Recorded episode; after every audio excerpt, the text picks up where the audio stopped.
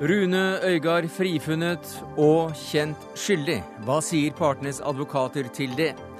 Forstadsbråket rundt Stockholm er en godt planlagt krig fra anarkister og det ekstreme venstre, mener svensk avisredaktør. Med skatteskjerpelsen river regjeringen ned en troverdighet i oljebransjen det har tatt tiår å bygge opp i oljebransjen, mener oljebransjen. Og Hitler våkner opp i 2011 i ny tysk roman. En fantastisk morsom bok, ifølge vår anmelder, som møter forfatteren i Dagsnytt 18.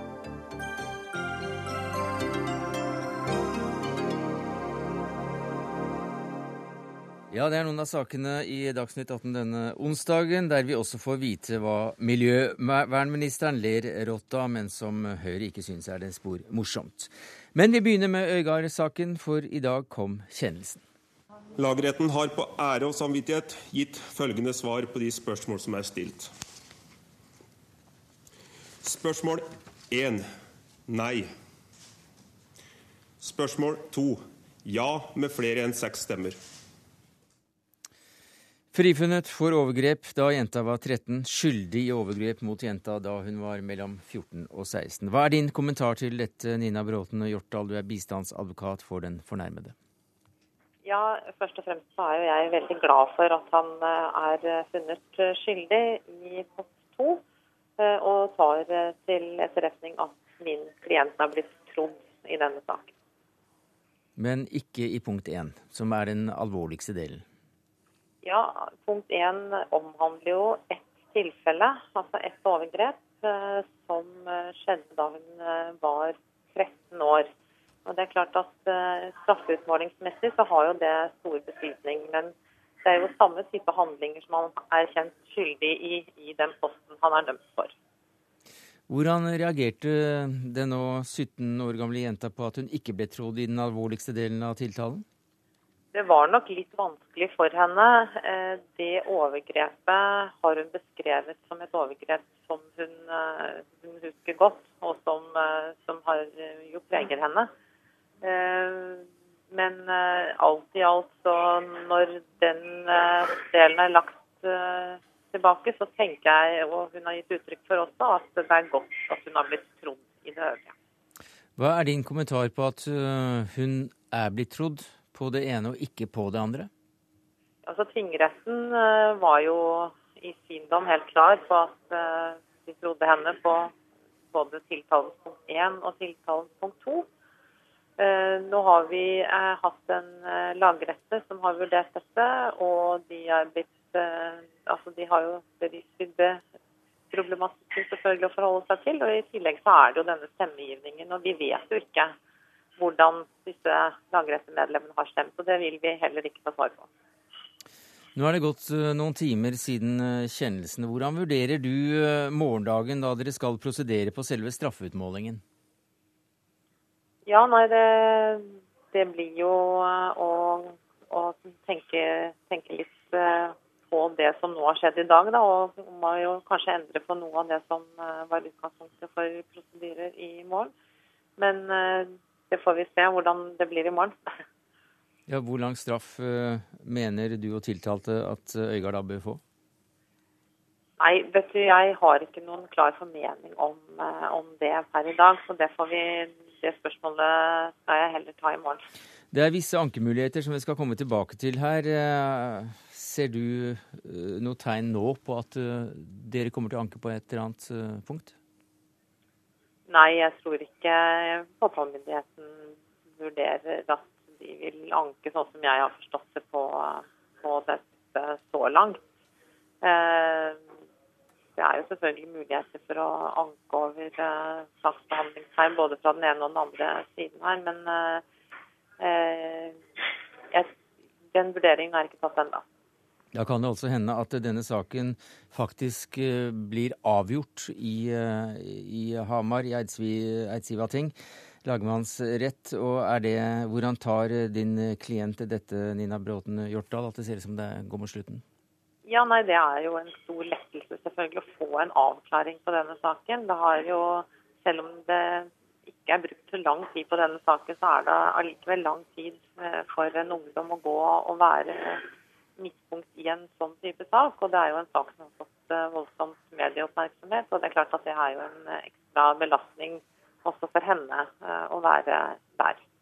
Takk skal du ha, Nina Bråten Hjortdal, bistandsadvokat for den fornærmede jenta. Mette Yvonne Larsen, advokat til den tiltalte eh, Rune Øygard. Hvordan reagerte din klient på juryens kjennelse i dag? Nei, han uh, tok det jo veldig tungt, sånn som veldig mange så, at han faktisk ble domfelt. Uh, han har jo hele tida hevda at han var uskyldig og hadde tro på at juryen skulle se det på samme måte. Men når det er sagt, og nå når han har fått summa seg, så er det jo helt klart at dette representerer jo noe helt annet for han. Altså Det er jo en langt på vei, hvis jeg kan bruke det ordet, en seier å bli frifunnet for den mest alvorlige posten. Fordi det er vesensforskjell mellom post 1 og post 2. Både, mm, vi snakker om tre års forskjell i straff. Eh, vi snakker også om forskjell i erstatning, og vi snakker også om omdømmemessige forskjeller av ganske stor betydning for han framover. Ja, Hvordan betydning da?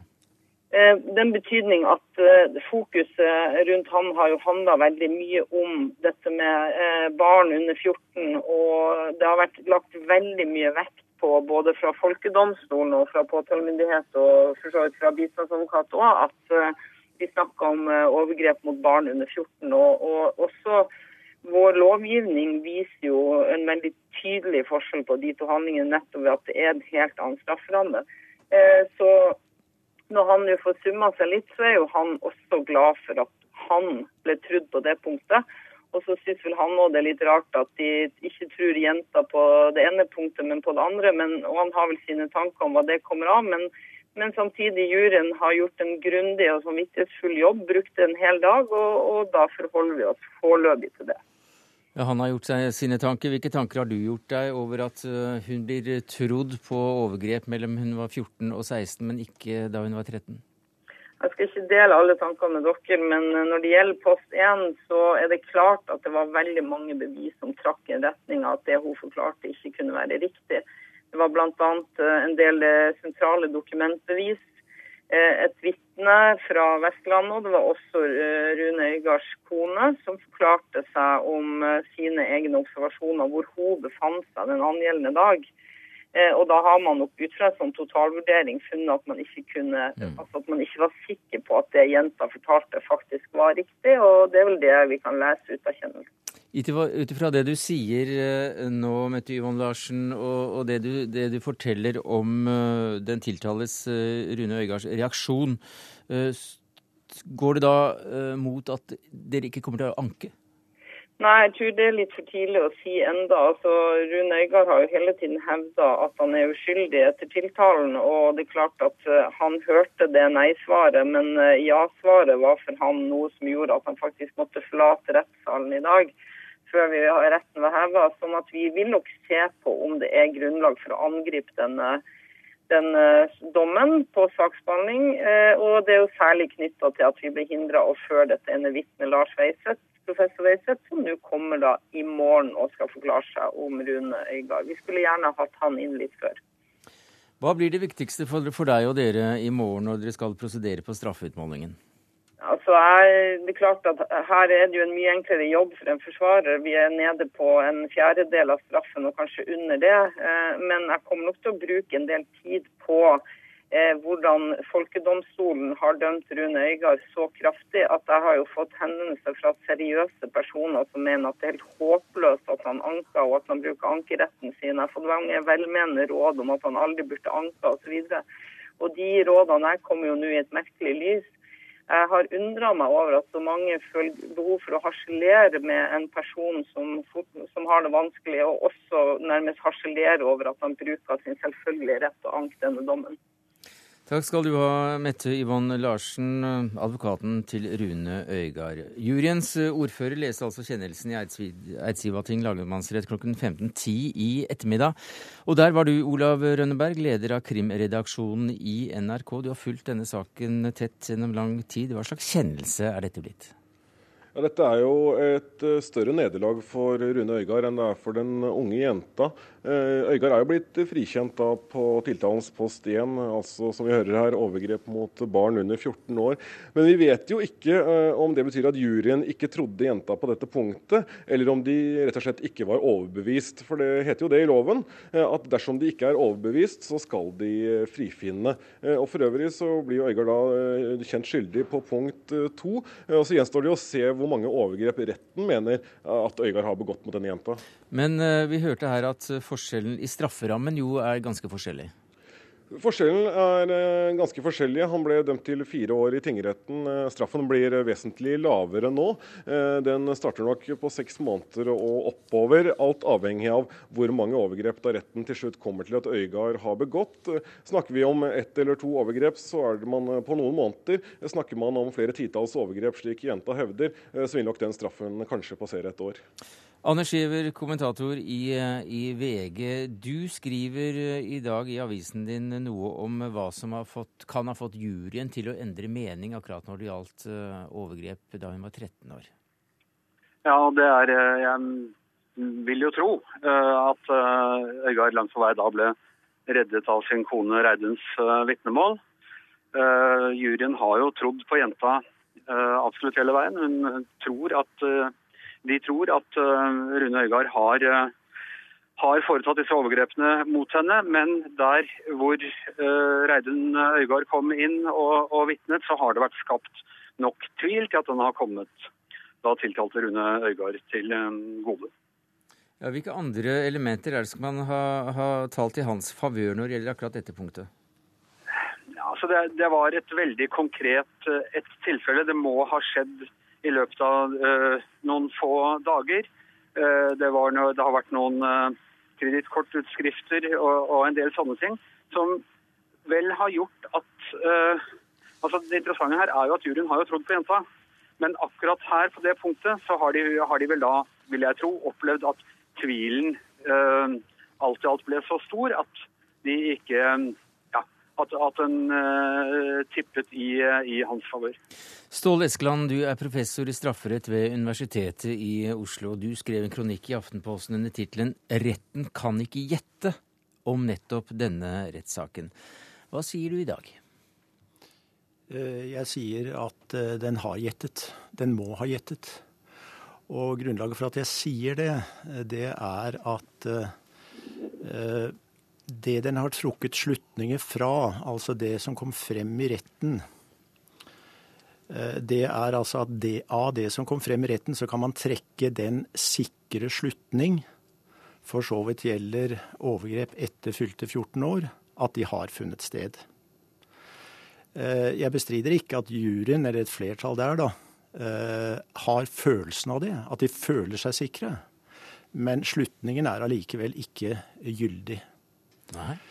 Uh, rett og slett fordi vi har ikke noen kriterier for å vite sikkert om den atferden som Øygard har utvist, også uh, innebærer at han har hatt samleie med jenta, som jo det er, det er det tiltalen dreier seg om. Jeg syns jo også at det er uh, vanskelig å forstå, uten nettopp å legge til grunn at det dreier seg om gjetting at eh, de kan ha kommet til at eh, ja, det var ikke sikkert at eh, han hadde hatt samleie med jenta da han var under 14 år. Og da legger de jo til grunn at er Hun kan altså ha løyet om dette. Og hvordan kan de da føle seg sikre på at hun ikke har løyet når det gjelder overgrepene da hun var over 14 år? Men det kan de altså? Ja, altså Rent subjektivt så kan de jo ha følt seg sikre på dette.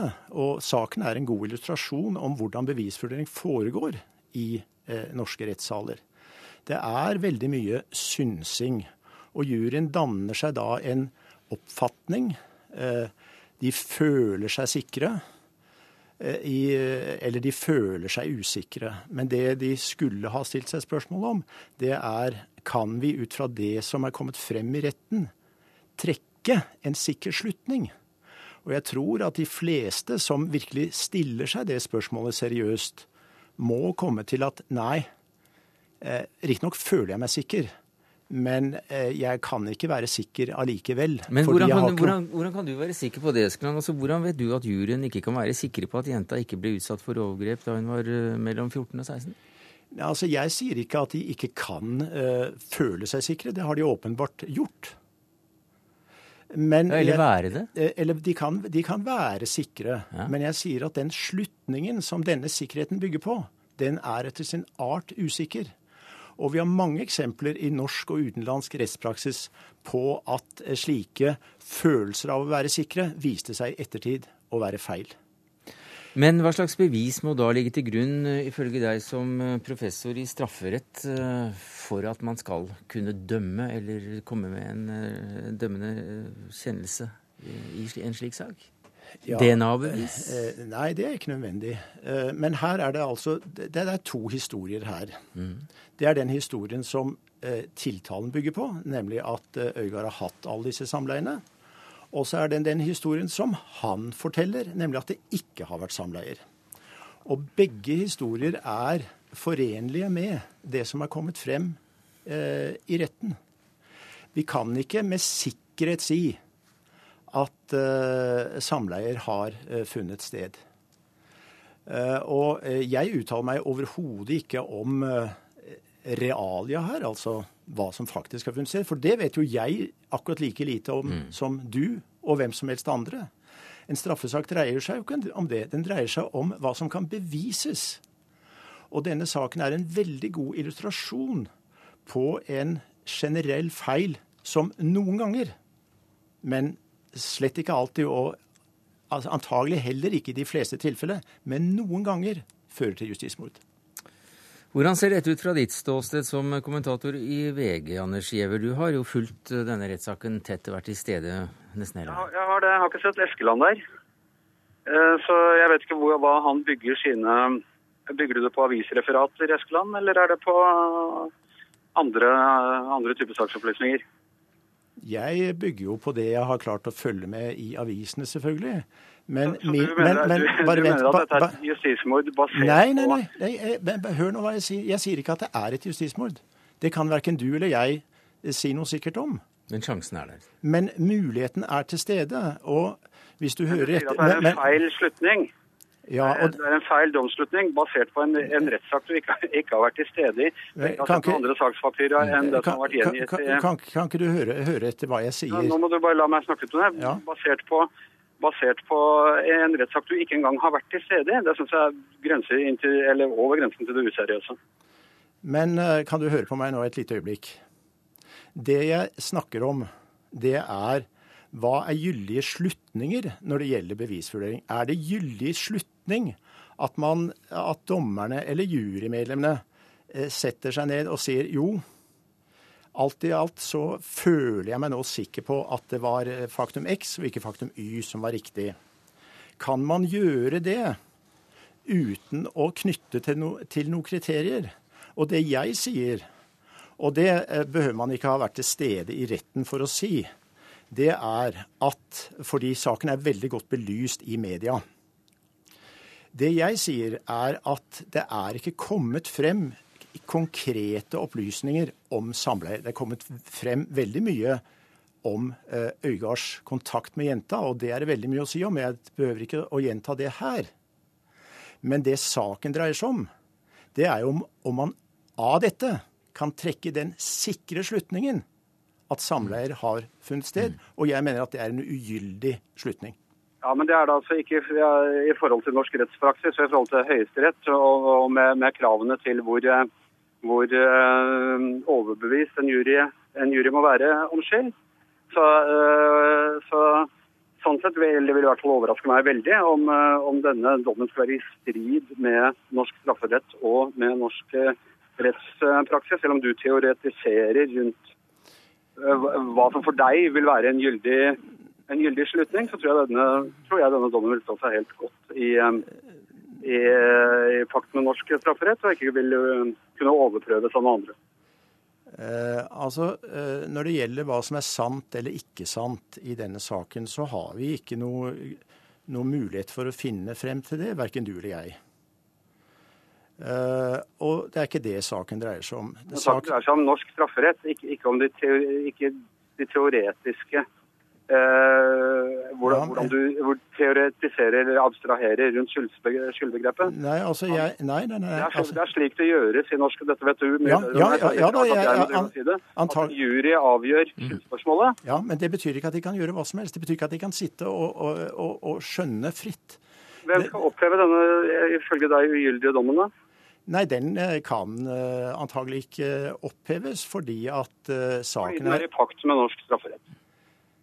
Altså, eh, når du uttaler deg såpass eh, generelt som det der, altså i pakt med norsk strafferett, så blir det nokså meningsløst. Fordi dette dreier seg om empiriske spørsmål. Og vi har, som jeg har sagt, vi har mange eksempler i norsk og utenlandsk rettspraksis at uh, juryer og domstoler har tatt feil. De har følt seg mm. helt sikre, og så viser det seg at i, i, i siste instans tok de feil. Og det er fordi slutningene er feil. Mm. Ståle Eskeland, eh, takk skal du ha, professor i strafferett ved Universitetet i Oslo. Anders Giæver, kommentator i VG. Til slutt til deg, Olav Rønneberg, leder i krimredaksjonen i NRK. I morgen er det da altså eh, prosedyre på straffeutmålingen. Hva slags dag blir det i lagmannsretten? Det blir en kortere dag i lagmannsretten, men det blir da prosedyre på straffeutmåling, som du sier. og der har det bl.a. betydning da hvor jeg beklager at jeg må avbryte deg, Rønneberg, men vi har fått en veldig rar lyd på deg, sånn vi må nok sette strek der. Men altså Saken fortsetter for så vidt i morgen, men eh, da utelukkende med eh, prosedyrer på straffeutmålingen. Takk skal du ha. Hør Dagsnytt 18 når du vil, på nettradio eller som podkast.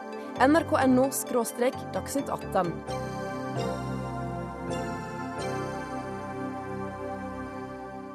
Jeg lo rått da jeg hørte påstanden om at vi vernar Noreg i hæl. Ja, det skriver du på NRK Ytring i dag, Bård Vegar Solhjell. Hva er det som er så morsomt? Første gang jeg hørte den, lo jeg rått, men det gjør jeg ikke lenger, for jeg har hørt den ganske mange ganger. Um, jeg, mitt viktigste budskap i den kronikken er at vi fint kan ta vare på de viktigste verdiene i norsk natur uten at det hemmer vekst og utvikling mye.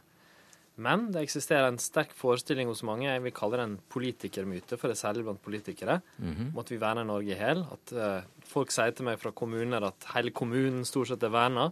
Ja, det er det jo. Altså, det er en kommune som eh, er verna 76% av arealet. Det er én kommune, det er ja. riktig. Men vi har 430 i, 17 i Norge. kommuner har over halvparten av arealet vernet. Det er riktig. Ja. Eh, og det er nasjonalparkriket vårt. Mm. Og de kommunene, Lesja, Skjåk og andre, de har stor verdiskaping i klassen 200 millioner kroner av det. Det er en kjempemuligheter knytta til det for dem. Og for de fleste kommuner i Norge har under 10% av arealet sitt verna. Mm. Det, det, blir brukt eksempler eh, på ulver og ugler og sommerfugl og andre som, som, kastes opp og som hemmer med vekst og, og hindrer boligbygging osv. Ja, gjør det ikke det? Og Så går jeg etter og sjekker f.eks. hubro, som ja. Eh, Erna Solberg hevder at eh, vi, måtte, vi, må prioritere boligbygging foran hekkende hubro. Så sjekker jeg. Det finnes ikke ett eksempel som vi er kjent med etter år 2000 på at hekkende hubro har stoppa et eneste boligprosjekt i, i pressområder i Norge. Og hubro er for øvrig en utrydningstrua ugle. Mm. Så det er mange myter om at naturvern eh, stopper så masse. Jeg Men det gjør det ikke. Eh, jeg mener at sannheten er at eh, i hovedsak kan vi fint ta vare på naturen vår, men at det av og til er konflikter, og da må vi faktisk òg våge å prioritere. Ja. Men du vil verne enda mer? Ja, det vil jeg. Eh, vi trenger å verne flere skogarealer mm. i åra som kommer. Eh, vi har òg eh, store områder eh, knytta til sjø. Norge er en havnasjon der vi ikke har verna så mye. Mens vi har vært veldig dyktige til å verne nasjonalparker i høyfjellsområdene våre. For Bent Høie, nestleder i Høyre. Vi hørte her at Solberg hadde snakket om denne hekkende hubroen. Men hva synes du om regjeringens bevaringspolitikk? Nei, Jeg syns det er ganske skremmende at vi har en miljøvernminister som, som prøver her å egentlig latterliggjøre noe som er en reell oppfatning av hvordan norsk vernepolitikk føres av den rød-grønne regjeringen, og ikke minst av SV i Miljøverndepartementet. Eh, og så kaller Bård Vegar Solhjell dette for en politikerskapt myte. Nei. Jeg tror at uh, miljøvernministeren burde ta på alvor at stortingsrepresentantene som har tatt opp dette, ikke bare fra Høyre og Fremskrittspartiet, men òg uh, fra hans egne regjeringskollegaer, Helga Pedersen i Arbeiderpartiet og andre, gjør dette nettopp fordi at dette er sånn det oppleves ute i kommunene, blant grunneierne, blant, bøndene. Og Derfor så er etter vår oppfatning SV sin politikk på dette området blitt en fare for naturvernfoldet og for vernetanken. Fordi at nå får han en kraftig folkelig motreaksjon mot en altfor rigid eh, vernetanke. Høyre er ikke mm. mot verning.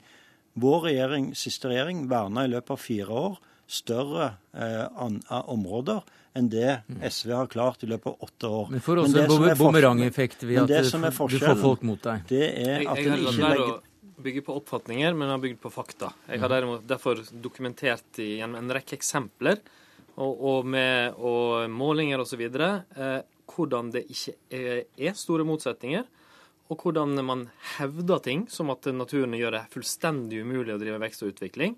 Eh, mens det motsatte er tilfellet. For så er en veldig liten del av de såkalte innsigelsene, altså, altså de som, de som stopper bolig- og samferdselsprosjekter knytta til natur, det, bortimot 90 er knytta til mm. andre ting. Men i tillegg så viser det seg at folk flest i meningsmålinger sier at vi skal verne mer. Mens politikerne, f.eks. fra Høyre, er veldig mm. skeptiske til naturvern. Mm. Så politikerne fra Høyre og andre partier er problemet, ikke folk som er for naturvern. Høyre er ikke skeptisk til vern og heller ikke til naturmangfold. Tvert imot. Eh, det har vi vist i praktisk politikk. Men det vi er negative til, det er den overkjøringen av lokaldemokratiet og grunneierne som eh, både Vegard Solhjell og SV eh, og regjeringen nå står for. Fordi at Sånn som dette oppleves, det er at de grunneierne, f.eks. I forbindelse med utvidelsen av Ormtjernkampen nasjonalpark, som har forvalta et område i generasjoner, skapt et kulturlandskap som vi alle er blitt glad i, og som har ikke minst bidratt til et naturmangfold i kulturlandskapet. De opplever at istedenfor å få en grunneierforvaltning som har vist seg å være en suksess, så har altså regjeringen overkjørt de, overtatt forvaltningen. området gror nå igjen. Og det er nettopp den type opplevelser som hindrer vernetanken, som for de som en burde hatt med på laget, lokalpolitikerne, grunneierne, mm. til å bli motstandere av vern, mm. istedenfor å bli de som står på mm. for, for, å få til frivillig vern. For det første så vil jeg oppfordre menn til å gå for å snakke om opplevelser til fakta, og prøve å håndtere kunnskap, gå inn i materialet her og se hva som er virkeligheten. Og Da skal jeg gi et eksempel på fakta. nemlig at Tidligere var det sånn at verneområdene og nasjonalparkene våre ble styrt av staten så har vi gjennomført en, en, reform for å overføre det til lokale myndigheter, der det nå er styrer sammensatt av kommunestyrerepresentanter og andre fra de enkelte lokalmiljøene. Så du mener at grunneierne ikke har noen grunn til å klage, og heller ikke klager i særlig grad? Jeg mener at erfaringa vårt med vern er at det kan være mye konflikt og motstand på forhånd. Til og med Hardangervidda nasjonalpark var det mm. sterk motstand mot. Men når man først har gjennomført det, så oppdager man mm. lokalt punkt 1, at det er stor verdiskaping knytta til det. Mm. Punkt 2, at det er flotte naturverdier. Og punkt 3, nå er det til og med lokalt styre. så en helt annen grad av muligheten til sjøl å styre lokalt. Det er en annen virkelighet enn den eh, du framstiller? Nei, fordi at eh, det som vi ser gang på gang, så nekter en f.eks. å ta med grunneierne inn i disse styrene. Og Det er de som sitter eh, og føler dette på kroppen. Det er der motstanden er. Nå ser vi på Jæren, i mitt hjemfylke, at, eh, at eh, regjeringen lar eh, en svarthalespore som egentlig ikke hører hjemme i norsk natur, som det er en, veldig mye av nede i Europa, fordi den har begynt å hekke eh, på Jæren, så båndlegger den store eh, landbruks, landbruksområder. Det er nettopp det som skaper den motstanden. og Da burde en sett på det som Høyre har foreslått, gått inn for grunneierforvaltning av eh, verneområder. Eh, avskaffa ION, som er med på å lage eh, verneområder mye større enn det som kommer fram i din artikkel. Når du bruker 17% i din artikkel, så er det det som er totalt verna. Mens mm. ION oppleves som det som er grunnlag for innsigelse. Når du viser til hvor mange innsigelser som, eh, som, som kommer som statistikkfakta, så tar du ikke inn over deg sånn som dette oppleves av lokalpolitikerne. For lokalpolitikerne opplever at de istedenfor å gå til en konflikt, så må de finne en løsning. Det vil si at de hele veien må justere planene sine, fordi de vet at det nytter ikke å få saken altså, til deg på ditt bord, for du står aldri på deres side likevel. Du står på verneinteressens side. Det er en rekke ganger vi balanserer de ulike hensynene. Men altså, jeg gjentar det. Jeg har valgt å forholde meg til kunnskap. Og jeg vil oppfordre Høyre og Bent Høie til kanskje å i hvert fall supplere opplevelser med kunnskap når de skal lage politikken sitt i framtida. Men så er det en reell konflikt her mellom grunneierinteresser, klassisk mm. Høyre, og allmenne folk flest sine interesser, klassisk SV. Når vi har f.eks. Rondane nasjonalpark etter Hardangervidda, er det grunneierne som skal styre den, eller er det de som er valgt av folk og andre representanter for breie samfunnsinteresser? Du, det, det, det, føler jeg at du har fått, fått klart eh, fram i, og også forstått hva, hva, Høyre mener om dette. Men jeg har bare ett spørsmål helt kort til slutt. Klippeblåvingen, ja. Eh, hvordan skal det gå med denne sommerfuglen? Den sommerfuglen vet vi om to steder i Norge fins, i nærheten av Og Halden. det kan og stoppe utbyggingen av en ny Den har stoppa utbyggingen av et boligfelt i nærheten av Halden. Og min vurdering er vel, vi klarer å finne et annet sted til den. Det er en sjeldent utrydningstrua flott sommerfugl. Av og til så må vi òg våge å stå opp for å gjøre grep der vi faktisk stiller oss på naturens side. Ikke Takk skal du ha, Bård Vegar Solhjell, miljøvernminister fra SV, til Bent Høie, nestleder i Høyre.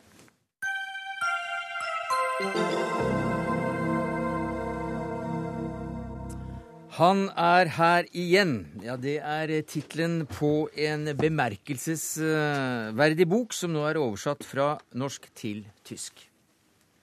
Das Volk hat mich wohl am meisten überrascht. Nun habe ich ja wirklich das Menschenmögliche getan, um auf diesem vom Feinde entweihten Boden die Grundlagen für eine Fortexistenz zu zerstören. Brücken, Kraftwerke, Straßen, Bahnhöfe. Ich habe die Zerstörung all dessen befohlen.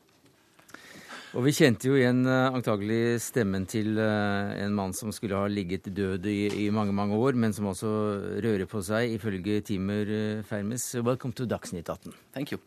Han er her igjen, heter boka. Uh, you give us the very start uh, of page one. Men hvem hørte da uh, tankene til her? Hve- Where is the immer noch hier wieder da? Es ist Adolf Hitler. In äh, English, Uh, oh, uh, I think- sorry. It's- it's my Got mixed up. It's Adolf Hitler. He's waking up in the year 2011 in Berlin. I don't know why. Mhm. I can imagine this because it's fiction. And It's fiction. I come away with it.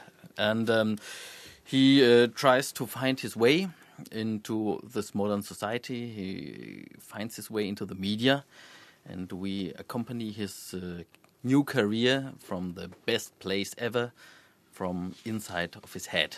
Inside of his head. Yeah. Right. Leif Ekle, litteraturmedarbeider her i, i Det hvite hus eh, på Marienlyst. Du har anmeldt boka til Kulturnytt, og det var nok mange som la merke til en ganske jublende anmelder. God bok? Ja, den er veldig, veldig god. Og det fikk en ekstra dimensjon når eh, forfatteren har øvd seg på å lese slik mannen snakket. For noe av poenget her er jo at eh, mannens språk Vi befinner oss inne i hodet, som Fermes sier selv, men han snakker jo som han tenkte, og han tenker som han snakket. Eh, og, dermed så får vi alle feilkoblingene, alt det systematiske vanviddet, også i den daglige, daglige tenkningen til denne mannen som dukker opp, og er fremdeles 56 år da, i 2011. Men hva slags historie er det som eh, serverer her i sin debut?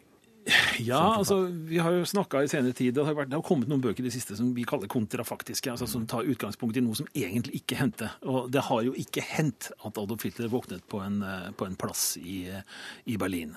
Men eh, du tar deg selv etter hvert og å tro at det faktisk foregår. Han våkner, han er 56 år som sagt. Han husker ingenting av det som har skjedd i mellomtida, og han må reorientere seg litt i verden. Et litt påfallende trekk må vi nesten ta med. Det lukter nokså mye bensin av uniformen hans. Og han tenker, eh, som det første han tenker, at Eva muligens har holdt på en hel kanne da hun forsøkte å, å, å rense uniformen hans. Eh, Det kan jo ha vært andre årsaker òg, men det husker ikke han. Eh, Og folk som møter denne mannen da i Berlin i 2011, hva skal man tro? Det er en mann som ser nøyaktig ut som Adolf Hitler. Eh, og han, han sier de underligste og rareste og mest ytterliggående ting uten å trekke på smilebåndet. Om jøder og Om jøder, om tyrkere, ikke minst om tyrkere. Han må være komiker. Han må være en av disse komikerne som, som gjerne opptrer som Hitler og sier morsomme ting på TV. Bare at denne mannen er enda, han ligner enda mer og er enda morsommere. Og det er fantastisk godt gjort, altså. Ja, og du, du, du, sier altså at du, du vet til slutt ikke hvor du skal, hva slags latter du skal finne fram. Nei, det er jo ikke morsomt hele veien. da. Nei. Det er jo øyeblikk her hvor dette er blodig alvor. F.eks. For eksempel når han sier at en av de tingene som har holdt seg sånn noenlunde, det er desimeringen av det jødiske folk. Det er ikke særlig mange flere jøder i Tyskland nå enn det var. Det er han fornøyd med. Men ellers, altså Det er jo derfor det er morsomt også. Fordi, som jeg sa, eller antyda i stad, Hitlers tankesett det er jo der. Men han møter en verden som er vår verden av i dag. Og, og det er bare han som på en måte ikke har skjønt at verden ikke forstår hva han driver med. Uh, you got outstanding reviews. Uh, one described this book as uh, extremely amusing. Uh, but what you want with this novel, except for selling close to a million copies already? Well, uh, at first, uh, when I wrote it, I wanted to have fun, of course, because uh, I couldn't be sure it will ever be sold. Mm. So, uh, if no one wants it, well, you want at least at least to be amused while you write it. But uh, while writing it, I noticed you could show some parts. You could show um, that it wasn't that hard to follow Hitler, and the people did it on their own free will, and uh, lots of uh, youth, of, of people of my age even, can't uh, can understand why this was possible because all the Hitlers we know are crazy ones or mad ones uh, or evil dictator ones, people you normally wouldn't follow. By uh, showing this Hitler acting quite logically, quite uh, analyzing, um, quite normal uh, in his way of being normal, uh, that it's possible to be to follow him, to agree in some parts to him, and uh, by acting by by using a lot of humor, you also can show how it is to be seduced Mm. by this humor. Mm. But uh, uh, still, you are trying to to say uh, something about our society.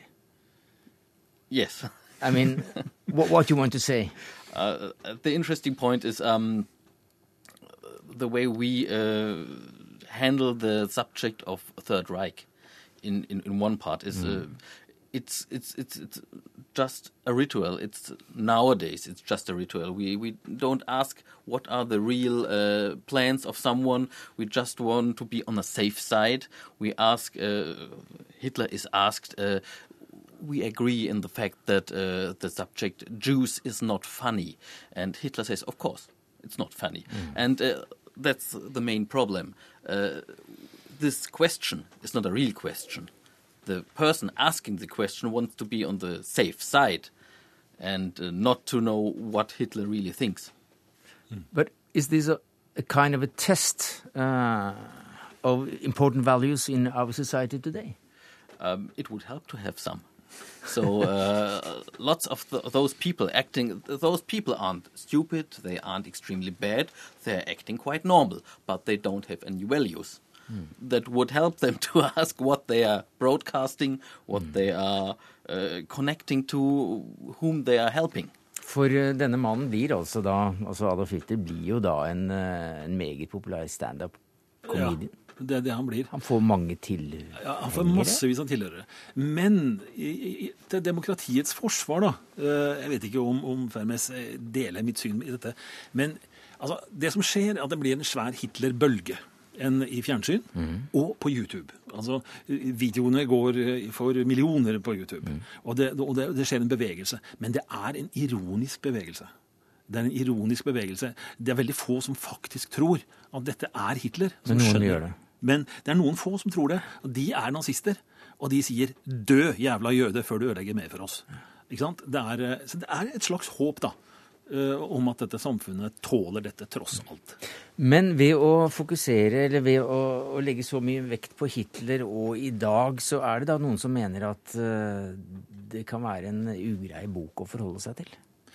Mm, Ja, strutsen har vel aldri funnet opp noe som helst ved å stikke hodet i sanden. Så jeg tror ikke det er riktig. altså. For det er en dame som heter Cornelia Fiedler of the Süddeutsche Zeitung. She writes that the focus on Hitler in this uh, novel risks washing away the historical reality. That's an interesting point. Uh, the book is, um, well, of course, it's fiction. It's, uh, but it uh, shows what could be, how it would work, and uh, how Hitler could rise a second time, underestimated like it has he has been then, now. Um, the reality is, um, I don't. Uh, the reality is always there. Uh, my Hitler, uh, he doesn't talk so much about Jews, but when he does, he's very clear. So, uh, Timur Fermes, what's your next uh, project? Will it be uh, to reanimate another catastrophe of a man like uh, Timur Lenk?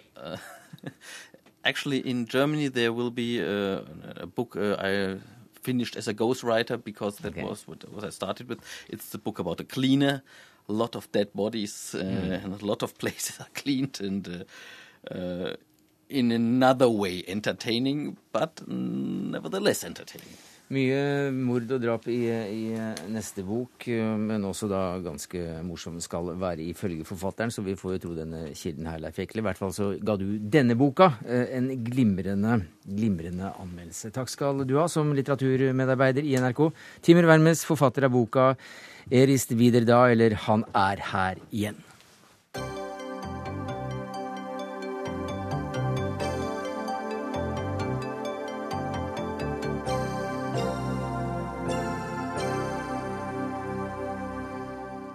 Ungdomsopprøret rundt Stockholm vokser. I natt spredte uroen seg til 13 forsteder rundt, rundt Stockholm. Og Joakim Reigstad, du er i Husby nå, og der skjer det i uh, dette øyeblikk en motdemonstrasjon. Hva er situasjonen? Ja, Det er at en, ja, skal vi si en 400-500 mennesker samlet seg her på torget i Husby, hvor det har vært en lang rekke appeller fra um, flere engasjerte beboere her i eh, Husby som har eh, stått opp og snakket uh, ungdommene Jeg skal ikke si at de har snakket midt imot, men de har sagt hva de mener om voldsepisodene som har utspilt seg i denne bydelen, og også i andre bydeler her i nærheten uh, de siste dagene. Hvem er det som deltar i denne demonstrasjonen? Ja, Det er uh, først og fremst selvfølgelig beboerne som, som uh, har blitt rammet av dette her, og som ønsker å ta en avstand fra det. Samtidig har også en del politiske partier på svensk venstreside vært her for å vise at de muligens har en litt annen tilnærming til denne problematikken enn det regjeringen har. En av de mindre populære personene på denne appellen har vært Fredrik Reinfeldt, som har sagt at han ikke vil besøke Husby da han ble bedt om å kommentere situasjonen på et pressemøte han holdt i går. Fredrik Reinfeldt får altså mye kritikk her for at han ikke ønsker å ta tak i de sosiale problemene og utfordringene som ligger i denne og andre lignende la oss kalle det innvandrerbydeler i denne, denne delen av Stockholm. Eva Cooper, du er politisk redaktør i avishuset Mitt Media, som eier de fleste avisene mellom Gjevle og, Øresund, faktisk. Og her hører vi også at uh, statsministeren deres uh, ikke drar uh, til området. Men du mener at dette opprøret var planlagt. Hvordan da? Ja, precis. Eh, polisen har jo sagt at det har funnits eh, indikationer om at det har startats grupper, hem, ja, mer eller mindre hemliga grupper på Facebook der man har uppmanat människor att åka til Husby for å starte uppror. Og eh, de människor som har blivit gripna än så länge och anhållna, de, flera stycken av dem är kända av polisen sedan tidigare och, många, och ett antal av dem kommer inte heller från Husby från början. Så det verkar som att eh, det finns ja, det är extremvänster som vill utnytt, starta uppror mot eh, samhället. Ja, hvem er dette? Ja, en utomparlamentarisk grupp som tror på at gatevold i stedet for, i stedet for diskusjon. Så du, du, går ikke med på at dette her skyldes uh, uh, manglende tilbud til ungdom og økende arbeidsledighet? Altså, man kan aldri unnskylde at man setter eld på sine granners biler, eller at man setter eld på førskoler osv. gjennom å si at uh, att det är samhällets fel. Det är fortfarande individens ansvar att det helt enkelt inte mm. förstöra för någon annan. Sen självklart så finns det också ett, ett stora problem i många av Stockholms förorter. Det är ungefär av eleverna så är det 50 procent som klarar målen i skolan. Arbetslösheten är väldigt, väldigt hög. Så det finns mycket saker att göra och mycket saker görs också för, förskol eller för förorterna, fast inte tillräckligt. Fredrik Reinfeldt borde ha åkt dit, det borde han. Guro Ødegård, du er forsker ved Institutt for samfunnsforskning. Og Cooper mener også at det er ekstremvenstre som er innblandet her. Og andre har snakket om, eh, om radikalisert uh, islamsk ungdom. Hva tror du? Ja, jeg tror at dette her er et veldig sammensatt problem. Men det som uh, og utfordringer. Men vi skal huske på at dette her er lokalmiljø, lokalsamfunn i Sverige som har en overhop opphopning av lave levekår. Det er veldig høy arbeidsledighet, det er stor skoledropouts, det er lavt utdanningsnivå generelt, og det er et utenforskap og en frakobling fra samfunnets institusjoner som helhet, som gjør at det er store grupper unge der som opp opplever et utenforskap. Dette er jo i tråd med en del andre typer ungdomsopprør vi har sett i andre byer i Europa. Og det kommer jo også fra eh, det starta i, i, marginaliserte bomiljø der innvandrerandelen er veldig høy, og der det blir beskrevet eh, at ungdom føler seg utenfor det etablerte samfunnet. Mm. Ja, Hva er da fellestrekkene for disse ungdomsopprørene? Paris, eh, London, København og, og nå Stockholm? Ja, altså, Fellestrekkene er jo det at det er ungdom i marginaliserte forsteder tett på hovedstaden der det starter. Så sprer det seg ofte eh, med sympatisører. Det er en stor andel minoritetsungdom. Eh, det er høy arbeidsledighet. Det er en nedskjæring i offentlige utgifter til ungdomstiltak. Og det er bomiljø med lav tillit og lav integrasjon. Mm. Og det blir jo stilt spørsmål her med hvordan kan en da liksom gå til angrep på sitt eget nærmiljø. Og dette forteller jo litt om denne tillitsdimensjonen, som jeg tror er veldig viktig i sånne type lokalsamfunn. Tilliten til politiet er ekstremt lav. Mm. Tilliten til politiske myndigheter er lav, og en må også huske på at framtidsutsiktene til veldig mange av disse unge ser dystre ut, med tanke på at de ikke fullfører engang obligatorisk skole, og der kanskje foreldrene utenfor arbeidsmarkedet, og utsiktene for en selv også er, er, er, dystre. Så det er en meningsløshet. Og så skal vi være også oppmerksom på at det, det kan godt være det er eh, venstreradikale grupper som har starta dette her, men du klarer ikke å få en sånn type bevegelse uten at det ligger en sosial mm. uro i, i bunnen, altså. Hva sier du til det, Eva Cooper? Så majoriteten av husbyborna reagerar ju inte på det sättet. Som vi precis hörde så är det ju en stor motdemonstration idag. De flesta känner sig ju jätteupprörda och ledsna över att mm. deras hem blir sönderslagna och att deras hemmiljö verkligen så hotad. For att känna att eh, en sån osäkerhet för tryggheten är ju naturligtvis en väldigt, väldigt otäck sak. Så att, alltså jag menar, det är för enkelt att bara förklara, skylla på samhället. Nei, for du har jo dine opplevelser fra å ha bodd i forstaden Jurstad eh, like ved Tenstad, hvor det var opprør i 2010. Mm. Eh, og du, ja, og, så du har sett opprør komme og gå, og mens vi da tror at tingene kommer virkelig til å bli forandret, f.eks. For etter denne begivenheten, eh, så tror du kanskje ikke det?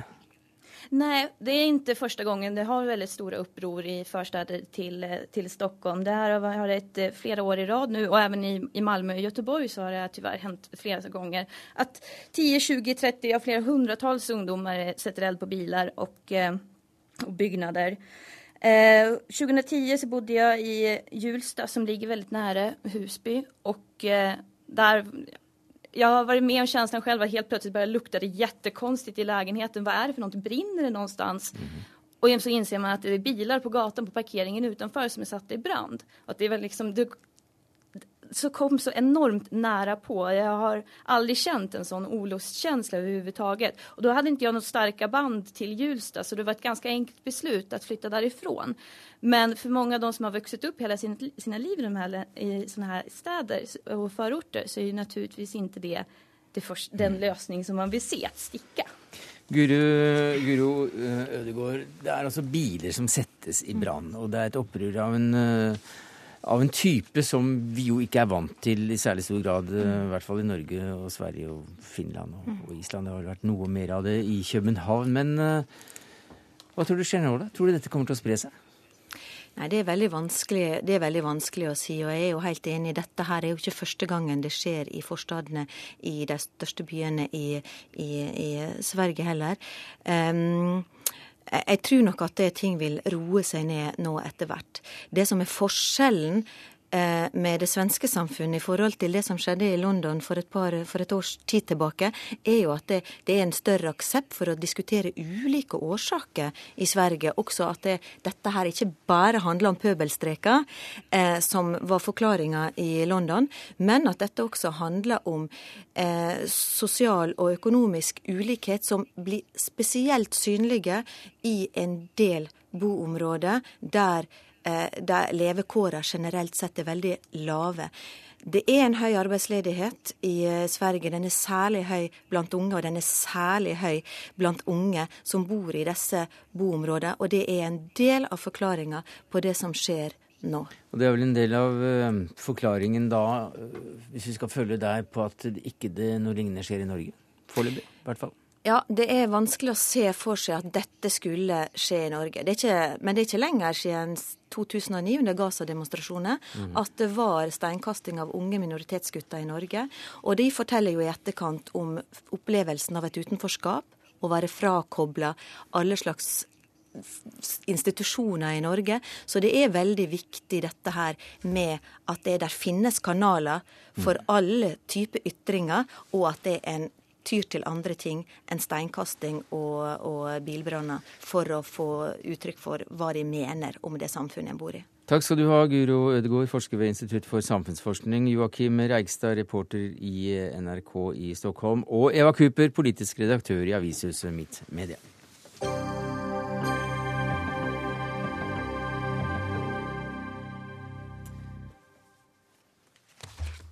Så skal det handle om skatt og olje. For som kjent varslet regjeringen om uh, en omlegging av skattesystemet for oljesektoren, noe bransjen likte ganske dårlig.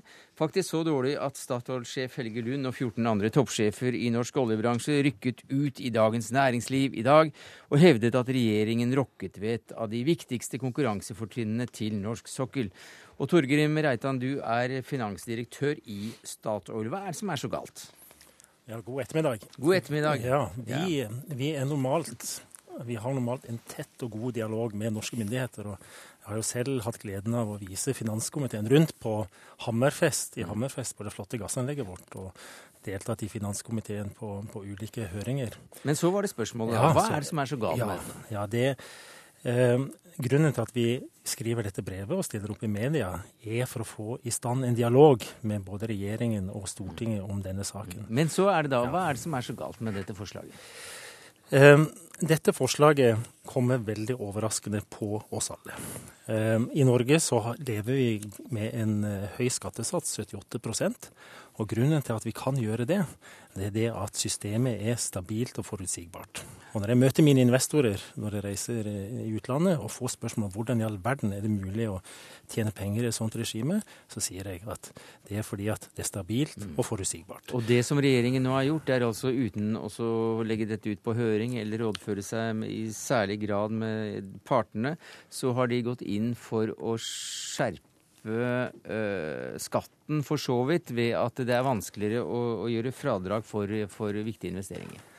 Ja, mm. og vi som bransje vil veldig gjerne få lov til å bidra inn i den diskusjonen sammen med fagmiljøer. Og en sånn en sak som dette, som eh, har ganske langtrekkende konsekvenser og rammer prosjekter som et felles politisk miljø har vært opptatt av å fremme, det krever en ordentlig belysning fra flere sider. Ja, Hvordan kan det ramme dere? Dette rammer oss eh, først og fremst ved at eh, feltene blir mindre lønnsomme. Eh, og det rammer særlig de haleproduksjon og det som går på økt utvinning av, um, av Eh, av, av uh, olje uh, og gass. Mm. Og dette er jo svært viktig for å ta ut det fulle potensialet på norsk sokkel. Ved at dere f.eks. ikke kan trekke fra riktig så mye på, på skatten som dere gjorde før når det gjaldt nyinvesteringer? Jeg kan jo bruke et eksempel på Åsta Hansten, som er en flott utbygging som er på vei. den skal mm, bygges ut 300 km ut fra Bodø. Hvis den beslutningen skulle vært gjort i dag, så vil den faktisk ikke bli gjort pga. endringen i skattereglene. Og dette, dette, er et prosjekt som vil bidra til arbeidsplasser i, i Brønnøysund og Sandnessjøen og i Nyhamna, Møre og Romsdal, og store investeringer i, i, i Midt-Norge. Så, så, dette er ikke en marginal endring. Dette er noe som treffer ganske tungt. Hva sier du til det, Torgeir Micaelsen, leder av finanskomiteen på Stortinget fra Arbeiderpartiet? Eh, det er jeg ikke enig i. Jeg mener dette er en eh, nødvendig, eh, riktig, men også forsiktig innstramming i en særegen hva skal vi kalle det? Friinntekt kaller vi det på fagspråket. Det betyr i praksis at oljeselskapene har en ekstra god avskrivning for investeringer de gjør på sokkelen. Eh, mens da eh, skattesatsen er 78 eh, så er da den satsen du kan skrive av da, hvis du investerer, høyere enn det. Det er det ingen andre næringer i Norge som har. Men det har vært et ønske fra politikere i mange år å, å legge til rette for at det skal være bra aktivitet i Norge på sokkelen. og Det har vi jo lykkes med. Men så har det vært lenge si, diskusjon og klarhet i at det har vært for gunstig, akkurat det jeg nå omtaler. Og Derfor har vekslende regjeringer, altså ti, flere ti år, altså ti år tilbake, diskutert nettopp dette. Og det har vært grundig utredet av et eget utvalg også tilbake i tid. Eh, og det har vært, hva skal jeg si, oljeselskapene har blitt hørt. Så har ikke dette blitt gjennomført før nå. Eh, eh, og Derfor er det ikke overraskende at Statoil og andre oljeselskaper nå er mot. Det var vi fullt klar over når vi foreslo det. Men det er altså ikke noe dramatisk rundt dette, etter min mening. Det er en forsiktig, riktig innstramming. Hva sier du, Reitan? Finansdepartementet anslår, eh, anslår, effekten ut av dette til 70 milliarder kroner i økt skatteinngang. Um, og det anser ikke jeg som en liten endring. Det er, det, er fram til 2050. altså Det er en nåverdiberegning fram til 2050. Ja. Så det er først om noen år dette vil begynne å virke. Og det er altså noen milliarder i året vi snakker om. Ja. Så vi bare være klar over ja. Eh, det. Det er ikke småpenger. Og det er jo også eh, delvis begrunna i at fellesskapet til nå har tatt en litt for stor andel av risikoen og kostnadene ved investeringer i eh, oljefeltet i Norge, og at vi nå forsiktig strammer noe inn på dette. Det er helt riktig, etter min mening. Hvis jeg kan få en kommentar, så, så, er det helt riktig som Torgeir Micaelsen sier, at dette har ikke effekt før om noen år. Og Der ligger den store problemstillingen. Den høye aktivitetsnivået vi har i dag, det er først og fremst drevet av funn som er gjort på 70- og 80-tallet, som har blitt lønnsomme med høye oljepriser. Når vi er ferdig med de, og det er en engangseffekt, eh, og det er rundt 2020, da trenger vi økt aktivitet. Og det er da denne endringen slår inn, og den vil medføre lavere aktivitet fra 2020 og framover. Og husk at vi, vi sysselsetter i bransjen rundt 200 000 personer i Norge. Leverandører og andre. Og dette er noe som betyr mye for mange personer.